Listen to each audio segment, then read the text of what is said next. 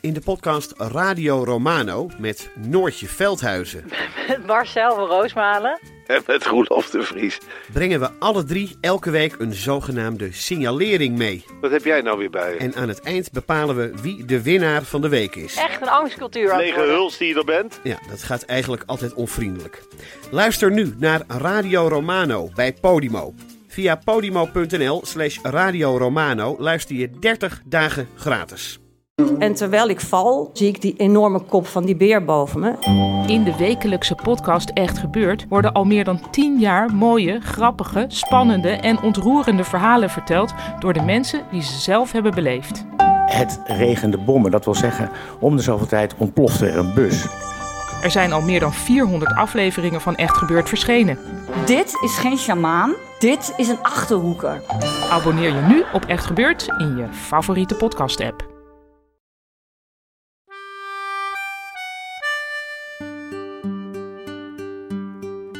Dit is Man met de microfoon met echte en bijna echte verhalen. En mijn naam is Chris Baayema.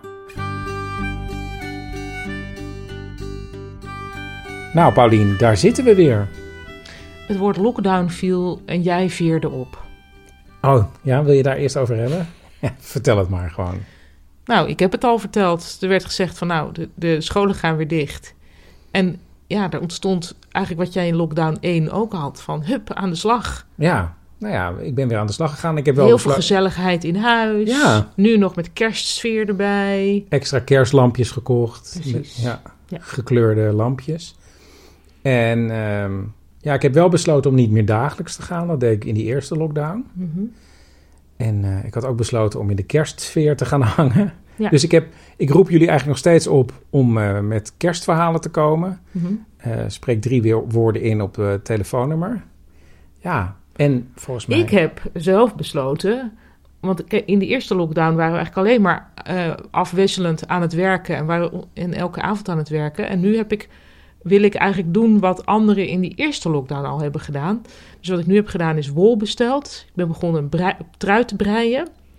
En ik, krijg ook ideeën over zuurdezems. Ja, maar bij jou is het wel meteen, dat zien de mensen niet, maar als jij Als iets besluit, zoals breien, Ik heb heel veel focus. ja, maar dan meteen ook met een heel ingewikkeld Ja. breipatroon. En je hebt Ja. al vragen gesteld bij panels op het internet. Ja, ja, en nu ben ik eruit. Maar ik heb gewoon, ja, ik, ik kan me echt ergens in vastbijten. Ja, En nu bijt ik me vast in die lockdown. Dus de breien, dat ga je oppakken. Zuurdesembrood. Misschien. Oké, nou, we zullen het allemaal eh, in de gaten Omdat houden. anderen dat al hebben gedaan, hè? En dat mag je nu inhalen. Ja. Oké, nou volgens mij kunnen we gewoon beginnen met deze eh, aflevering, waarin al kerstverhalen verzameld zijn. Mhm. Maar we beginnen eigenlijk met een, een mail die ik kreeg. Die vond ik zo leuk dat ik dacht, ja, ik ga Brechtje, want hij was van haar, ga ik even bellen. En nou ja, ze legt zelf even uit wat er in die mail stond. Wat ik jou mailde is dat ik afgelopen woensdag, eh, dus nu een week en één dag geleden inmiddels alweer, ben bevallen van onze dochter, Noortje. En, eh, en dat ik eh, de, tijdens de bevalling, eigenlijk het opvangen van de weeën, heel veel podcasts heb geluisterd. Waaronder ook jouw podcast, uitgebreid beluisterd. En het duurde natuurlijk uren en uren, dus ik eh, heb me echt prima vermaakt daarmee. En eh, nou, ik moet zeggen dat heel veel verhalen echt heel erg troostend waren. En zo leuk was die bevalling niet. Dus ik, ik dacht later, nou, ik vind het wel leuk om even aan jou te laten weten. Dat mede dankzij jou het sowieso gelukt is. Maar ook vooral, eh, nou, dat het gewoon een heel, hele leuke manier was om, om mijn gedachten te verzetten, zou ik maar zeggen. Dus bij deze wil ik je graag voor bedanken. Nou, ontzettend. Ja, ik vond het een heel leuk eh, en aardig mailtje. Maar wat ik ook dacht, hé, hey, Mhm. het is inmiddels negen maanden geleden dat de eerste Ja. lockdown begon. Dus jullie dochter is Mhm. een, Een coronababy. Bedoel je dat te zeggen? ja, dat zegt Ja. iedereen natuurlijk nu tegen jullie. Ja, ja, dat is wel zo. Ja, ja, of dat nou echt een relatie heeft met de timing van deze baby, dat vraag ik me af. Want ik denk dat het, eh, behoorlijk gepland was allemaal. Maar inderdaad, het is wel, eh, het is wel een over- opvallende overeenkomst. En het was druk in het ziekenhuis. En de verloskundigen die hebben het ook hartstikke druk in deze periode. Dus er is absoluut een, eh, een link met de beide fenomenen, zeg maar.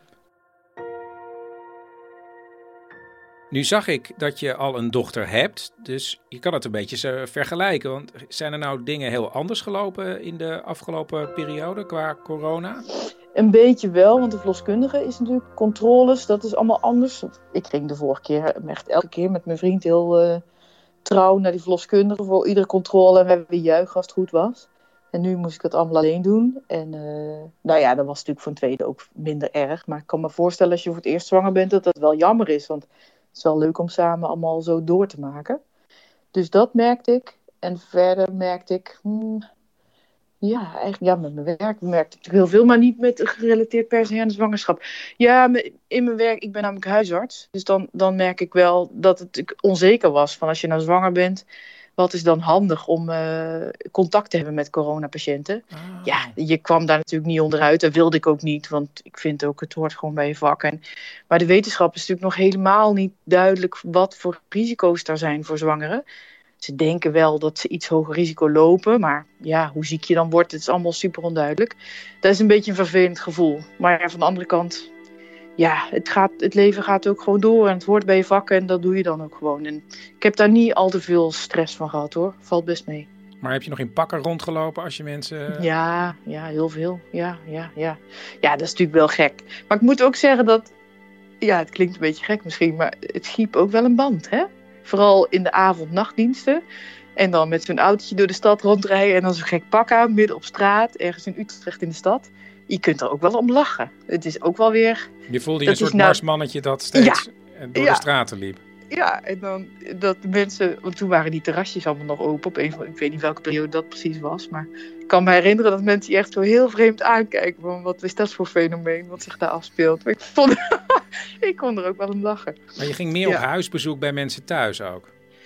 Ja dat, ja, dat is wel zo. Want op zich, kijk, als patiënten moeten komen naar de praktijk, dan is natuurlijk de kans dat ze daar andere mensen tegenkomen wel wat groter. En het zijn over het algemeen heel kwetsbare mensen. Dus als ik dan met pak daarheen ga, is dat natuurlijk uh, een minder groot risico. Maar wel weer meer gedoe voor mij. Dus zo is het iedere keer een beetje wikken, wegen van welke patiënt ga je heen en welke laat je komen. En welke probeer je telefonisch of, of op een andere manier uh, te helpen. En is er nog een bepaald iemand die uh, de afgelopen tijd vooral is bijgebleven? Nou, als ik aan patiënten denk, want dat is dan natuurlijk vooral waar je aan denkt. Want die, met hun was ik het meest begaan. En ik had wel een aantal mensen op die C liggen die, die mij nogal aan het hart liggen.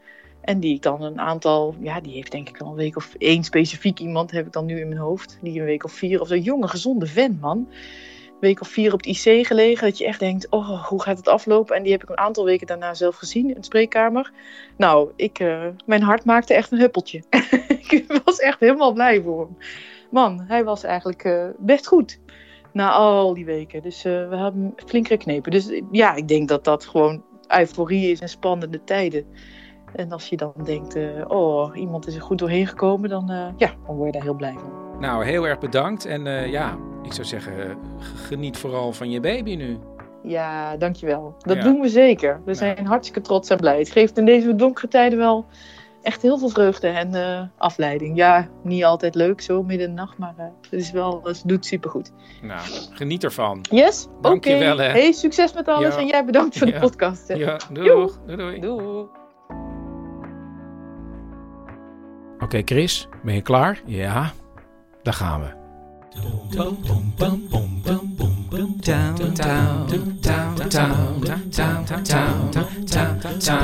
Jingle bells, jingle bells, jingle all the way. Oh, what fun it is to ride in a one-horse open sleigh.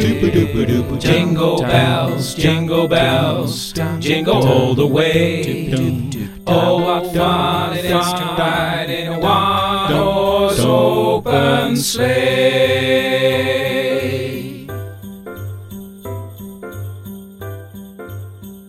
Ik bel met Ipe, want die heeft een kerstverhaal voor mij. En uh, ik vraag hem, ja, wat ik eigenlijk heel, de meeste mensen gewoon vraag. Wanneer was het? En wat gebeurde er precies? Dit zal in 1995 of zo geweest zijn. Oh, dan geef ik mijn leeftijd weer weg. Nou ja, ik zat in een uh, jaarclub bij een uh, studentenvereniging. En ik zat daar op die hele vereniging eigenlijk al, was ik helemaal niet op mijn plek, zeg maar. Ik was niet het echte type ervoor. En die jaarclubs waren acht jongens. En ehm, we kwamen dan eh, twee keer per week volgens mij bij elkaar. Maar eentje van hen die ging één op één afspreken met iedereen. Die ging een soort per tourbeurt iedereen af. En ehm, ja, toen was hij bij mij uitgekomen. En toen bleek het dat, ehm, dat hij dat deed omdat hij uit de kast kwam bij iedereen. En ehm, nou ja, ik zat zelf in die tijd ook in de kast. en ehm, ik was nog nooit, ik had het nog tegen niemand gezegd. En ik wist eigenlijk niet zo goed hoe ik moest reageren. Dus ja, achteraf denk ik wel eens van, ik had wel meteen kunnen zeggen, oh, ik ook. Maar dat deed ik dus niet. Wat zei je dan?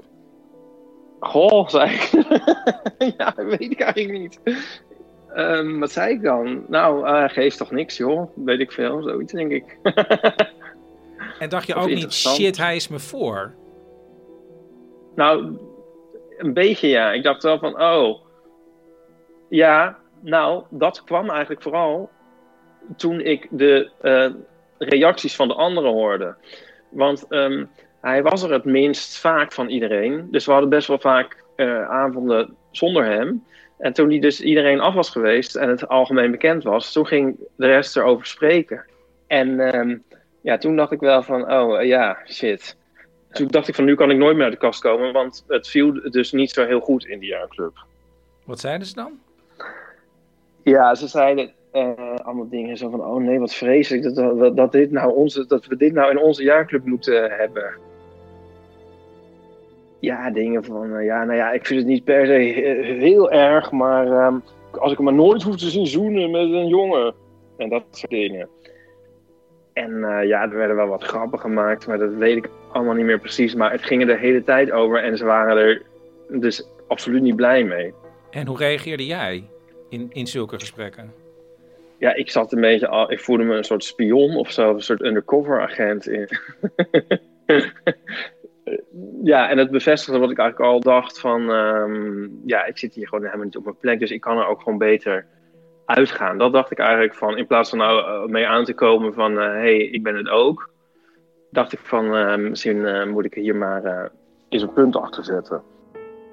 Maar het blijkt nog niet zo makkelijk om er ook een punt achter te zetten voor Ipe. En dan is het jaar al bijna voorbij en ze zullen met de jaarclub samen gaan dineren. Iedereen maakt een gang. En een dag voor dat diner is Ipe op bezoek bij een studievriend. En ik had het erover van, oh, morgen is het en eh, ik zie er toch zo tegenop, ik wil het gewoon niet meer. Maar ja, nou, dit is dan maar het laatste wat ik dan nog moet doen en dan daarna ga ik, eh, ga ik er dan wel uit. En die vriend zat me een beetje op te stoken van, nee joh, waarom zou je dat nog doen? Dan bel je toch en dan zeg je van, nee, ik kom al morgen niet. En eh, ik stop ermee. Waarom zou je nou nog dat kerstdiner gaan uitzitten? En ja, ik dacht, nou, dat ik ook. Ehm, ik vond het wel heel erg spannend, maar ik verzamelde moed. En ik belde de prezes van eh, de jaarclub. Dus die kreeg ik eigenlijk meteen aan de lijn. En, eh, ik zei, ja, ja, misschien heel vervelend, maar eh, ik eh, ga maar uit de jaarclub. En ehm, ik kom denk ik ook, ook maar niet meer naar het eh, kerstdiner. En eh, daarop zei de prezes, ja, dat eh, idee kregen we al een beetje. Maar het kerstdiner, dat is namelijk nu.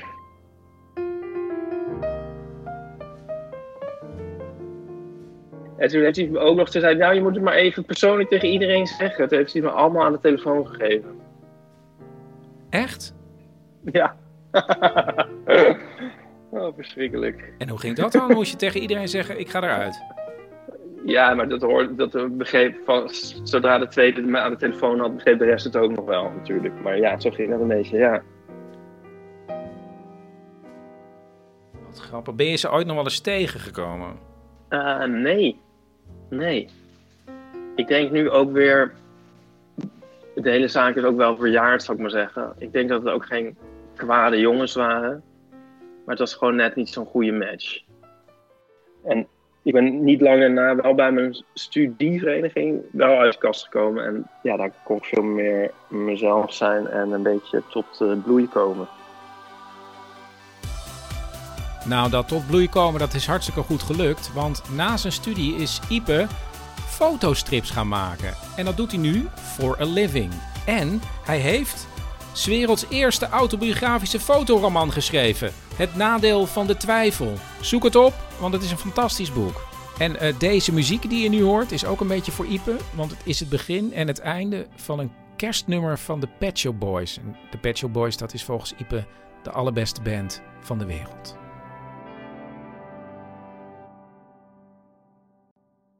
Ik heb vorige week niet alleen een oproep gedaan voor mensen met een kerstverhaal dat ze drie woorden kunnen inspreken op het telefoonnummer, maar je kan ook, als je wil, zelf een hele minuut afmonteren met een verhaal en dat aan me mailen.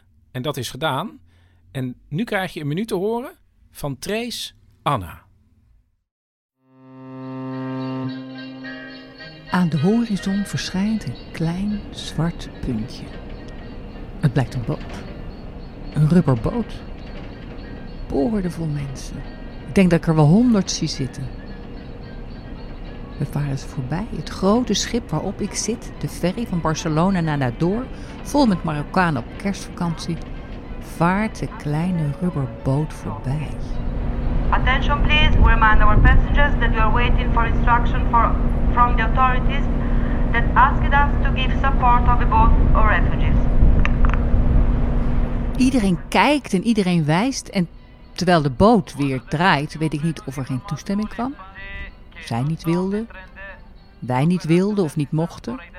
Maar het bootje vol vluchtelingen wordt weer een stip aan de horizon. En wij varen door naar Afrika, terwijl zij hopen op een mooie kerst in Europa. Heb je zelf een afgemonteerde minuut? Dan kun je die mailen naar manmetdemicrofoon.gmail.com. En er zijn natuurlijk ook heel veel mensen die drie woorden hebben achtergelaten op mijn voicemail. Zoals Suzanne. En dit is haar verhaal. Het, uh, het was zo'n 15 jaar geleden. Toen werkte ik nog als uh, hulpverlener bij het Leger des Heils. In een daklozenopvang in Amsterdam-Noord, speciaal voor vrouwen. En dat waren vrouwen die, uh, nou ja, sowieso geen dak boven hun hoofd hadden, maar daarnaast ook bijvoorbeeld problemen hadden met verslaving of psychiatrie. Dus gewoon een, een flinke rugzak uh, hadden. En uh, daar werkte ik uh, als groepsleider. En daar werkte ik ook met kerst. En eigenlijk vond ik dat best wel leuke, leuke diensten ook om te werken. Want ja, Leger des Heils en kerst, dat is natuurlijk een goede combi. En um, nou, daar probeerden we altijd wel wat van te maken ook wat ingewikkeld is. Want nou ja, in de hulpverleningen, de kerstdagen en alle feestdagen zijn niet de meest vrolijke periodes natuurlijk voor mensen die, uh, die het gewoon moeilijk hebben. Dus het is altijd zo'n soort van balans tussen. Uh, we moeten er ook weer niet te veel aandacht aan besteden, want dan ben je alleen maar bezig met uh, nou ja, de vinger op de zere plekken eigenlijk. En tegelijkertijd, je moet ook de kans grijpen om, om er iets moois van te maken. En dan gingen we gewoon ook alles mooi aankleden. En uh, probeerden we nou er echt een beetje een leuk programmaatje van te maken. Maar er was met kerst ook altijd iets meer stress in, uh, in het pand. Dus dat was nog wel eens lastig om dan uh, ruzietjes te sussen en tegelijkertijd bekende leger des de soep op te scheppen, zeg maar. Maar goed, ik had daar een avond gewerkt en een nacht ook trouwens. Dus dan bleef je tot 7, 8 uur de volgende ochtend. En als het enigszins goed was gegaan, dan had je ook gewoon een beetje kunnen slapen. En had niemand, uh, niemand s'nachts herrie geschopt. Um, en in die opvang woonde een mevrouw. Een hele bijzondere mevrouw, die ook wel een beetje, nou, nu ik er nostalgisch over terugdenk, wel een beetje mijn lievelings was misschien.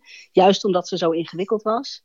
Want dat was een mevrouw die, die, nou, die bleef eigenlijk volledig in het dakloze leven hangen. Ook al had ze dan een kamer in de opvang. En die uh, schuimde de straten af. En uh, nou ja, eigenlijk een beetje het, het stereotype beeld wat je vroeger zou hebben van een junkie eigenlijk.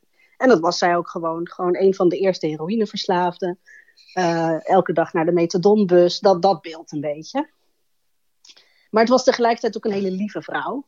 Die gewoon, ja, ze zat met zichzelf overhoop. Maar ze probeerde het allemaal goed te doen. En uh, nou ja, ik was op weg naar mijn ouders. Want ja, kerst. Zij, uh, zij ging ook de hele dag ging zij heen en weer op de pont. Um, en daar was ze altijd aan bedelen. En dat was natuurlijk altijd een beetje een gekke situatie. Want normaal gesproken, als je iemand nou, toch met haar wat opvallende uiterlijk ziet bedelen. Ja, iedereen kijkt een beetje weg. Iedereen wijst er af. Eigenlijk heel treurig. En ik had dan altijd een beetje zo'n sprongetje in mijn hart van, oh, ik ken haar gewoon. En ik kan gewoon haar bij haar naam noemen en begroeten. Uh, maar dan voelde ze zich ook altijd heel betrapt. Dus dan zei ik haar naam dan, oh shit, it's you, zei ze dan. Want ja, van mij kon ze geen geld aftroggelen natuurlijk. Maar wij stonden op de pont en raakten dus in gesprek. Ik denk dat de mensen om mij heen, die keken een beetje gek van... oh, ga jij nou echt met haar praten? Dat is toch een rare mevrouw. Maar ze waren ook een beetje opgelucht, denk ik. Van, oh, dan hoef ik het tenminste niet. Dus ik dacht, ik hou er wel bezig. Wat zij eigenlijk nooit deed, was geïnteresseerd naar andere mensen vragen. Want haar hele leven draaide om haarzelf. Maar ze vroeg van, wat ga je nu doen? Dus ik vertelde, nou, ik ga naar mijn ouders toe.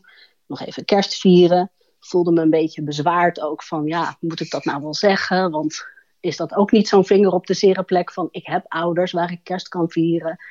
Maar toen keek ze me een beetje verontwaardigd aan. En het eerste wat ze vroeg was: waarom heb je geen bloemen bij je dan? Dus ik, ik keek haar weer aan van hoe bedoel je? Ja, als je naar je moeder gaat, moet je altijd bloemen meenemen. Dat doet iedereen die goed opgevoed is. Um, en zij keek om zich heen. En het was toch een pond vol mensen die denk ik ook richting kerstbezoekjes gingen. En ik denk een meter of wat naast ons stond een meneer uh, vrolijk voor zich uit te kijken met een bos bloemen in zijn handen. En voor ik het door had, was ze op hem afgestevend en rukte die bos bloemen uit zijn handen, gaf hem aan mij en zei: Hier, voor je moeder. Waarop ik spontaan overboord wilde springen eigenlijk, maar dat heb ik niet gedaan. Maar ik schaamde me natuurlijk helemaal kapot, maar moest ook verschrikkelijk lachen. Uh, dus ik heb, nou ja, zo snel als ik kon die bos bloemen weer teruggegeven aan die meneer. En zegt: Sorry, sorry, het is allemaal een misverstand. En ik denk niet dat ik hem goed kon uitleggen wat er nou aan de hand was. En dan ja, is die pont aan de overkant en iedereen loopt weg. En wij namen afscheid van elkaar. Ik nog met het schaamrood op mijn kaken. En uiteraard is het eerste wat ik gedaan heb uh, doorlopen naar het station en een bloemetje kopen voor mijn moeder.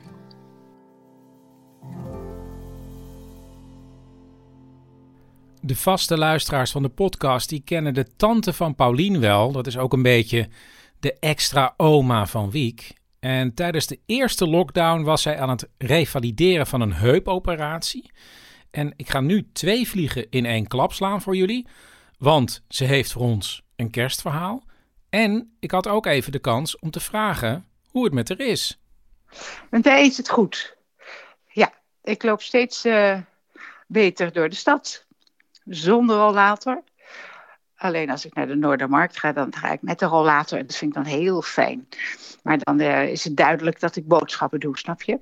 Maar het gaat goed hoor, Chris. En dan is dit het verhaal van Sjaan. Het was een jaar of veertig geleden, Chris. En het was een uh, beetje sippe tijd, treurige tijd voor mijn moeder. Want ze had haar man verloren. Mijn broer, die was gescheiden, akkontgekeur, want dat wou helemaal niet. En ik was ook gescheiden en ik wou het eigenlijk ook helemaal niet. Dus er waren drie mensen die niet goed wisten wat ze moesten doen met de kerst.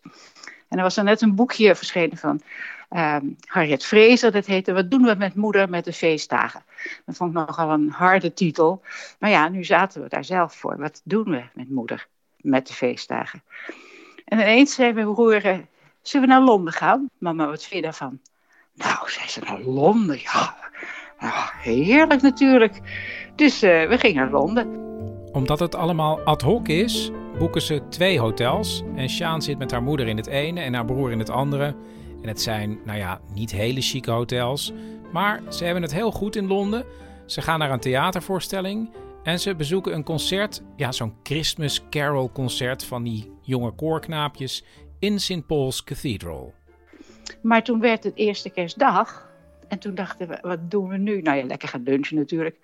Maar er was geen sprake van. Alles was dicht. Maar echt alles.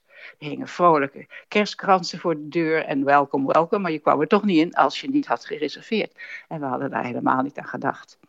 En eens dacht ik, nou weet je, misschien een, uh, een India's restaurant. Die vieren denk ik geen kerstmis. Dus, en ja, daar in die buurt van Leicester Square, daar wist ik nog zo'n zijstraatje, ander hoekje om. En dan daar was een leuk klein India's restaurant waar Wigert en ik meteen heel enthousiast over waren. Maar mijn moeder keek een beetje zuinig. Die dacht, nou die papieren zijn vetjes en India's, ik weet niet. En toen gingen we bestellen en zei, weet je, niet, niet, niet scherp voor mama. En, maar ze nam één hap en ze zei, nou ja, dat, dat jullie dat kunnen eten. Dat, dit is verschrikkelijk gewoon zo heet. Dat kan ik echt niet eten. Dat is dus een beetje een tegenvaller. En verder, wat moesten we die middag verder doen eigenlijk? En ineens dacht ik, weet je, uh, mijn opa zei altijd... als je in de Verenigde Stad bent, moet je naar het mooiste hotel gaan... en de goedkoopste kamer nemen. Dan heb je de leuke entourage van een mooi hotel. En als we nou eens gaan thee drinken in een mooi hotel... Ze zoeken het mooiste hotel in de omgeving... Gaan er naartoe, vragen nog even of ze misschien een high tea kunnen bestellen. Dat kan niet, maar een pot thee kan wel, zegt een mevrouw. En die mevrouw neemt ze mee naar een hoekje in het hotel.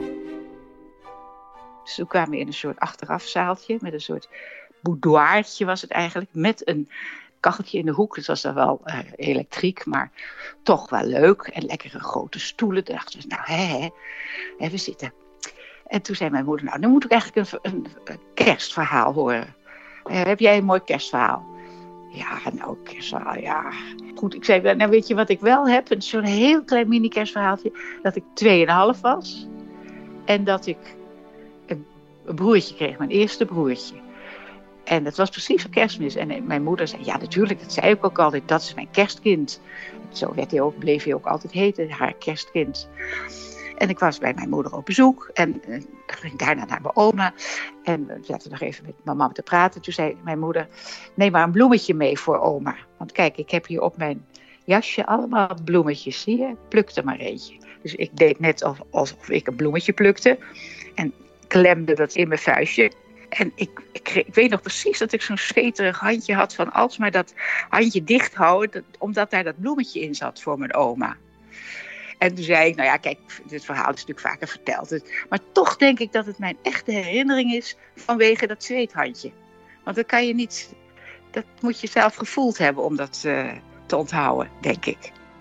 Na het verhaal van Sjaan kijkt ze naar de moeder. Nou, toen zei mama, hebt u nog iets? Nee, nee, nee.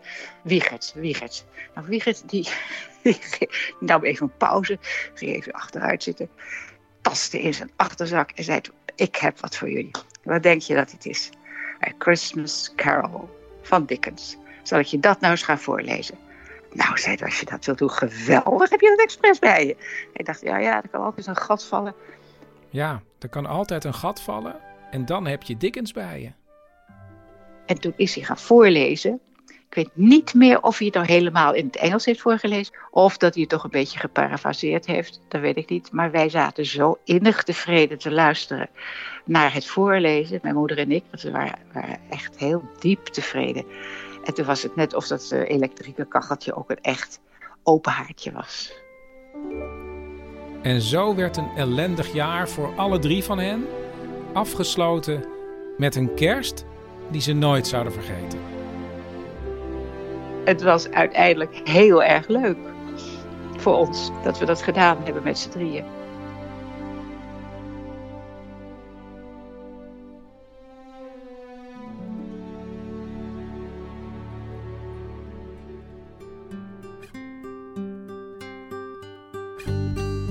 Dit was aflevering 43 van Man met de Microfoon. Man met de Microfoon wordt gesponsord door Theater de Kleine Comedie in Amsterdam. En die hebben nog steeds de adventskalender. Hè? Elke dag een optreden van een artiest te vinden op dekleinecomedie.nl. Um, heb je zelf nog voor mij een kerstverhaal, een feel-good verhaal of een feel-bad verhaal? Dan kun je drie woorden doorbellen naar 084 8371 282. Heb je een minuut helemaal afgemonteerd? Kan dat naar manmetdemicrofoon.gmail.com. Um, ehm, daar kunnen ook alle reacties naartoe. En uh, ik zou zeggen, tot eerste kerstdag. U heeft één nieuw bericht. Chris, dit is Bert. Bel me terug. Het is dringend. Het heeft met kerst te maken. Bericht verwijderd. Er zijn geen berichten meer. Thank you.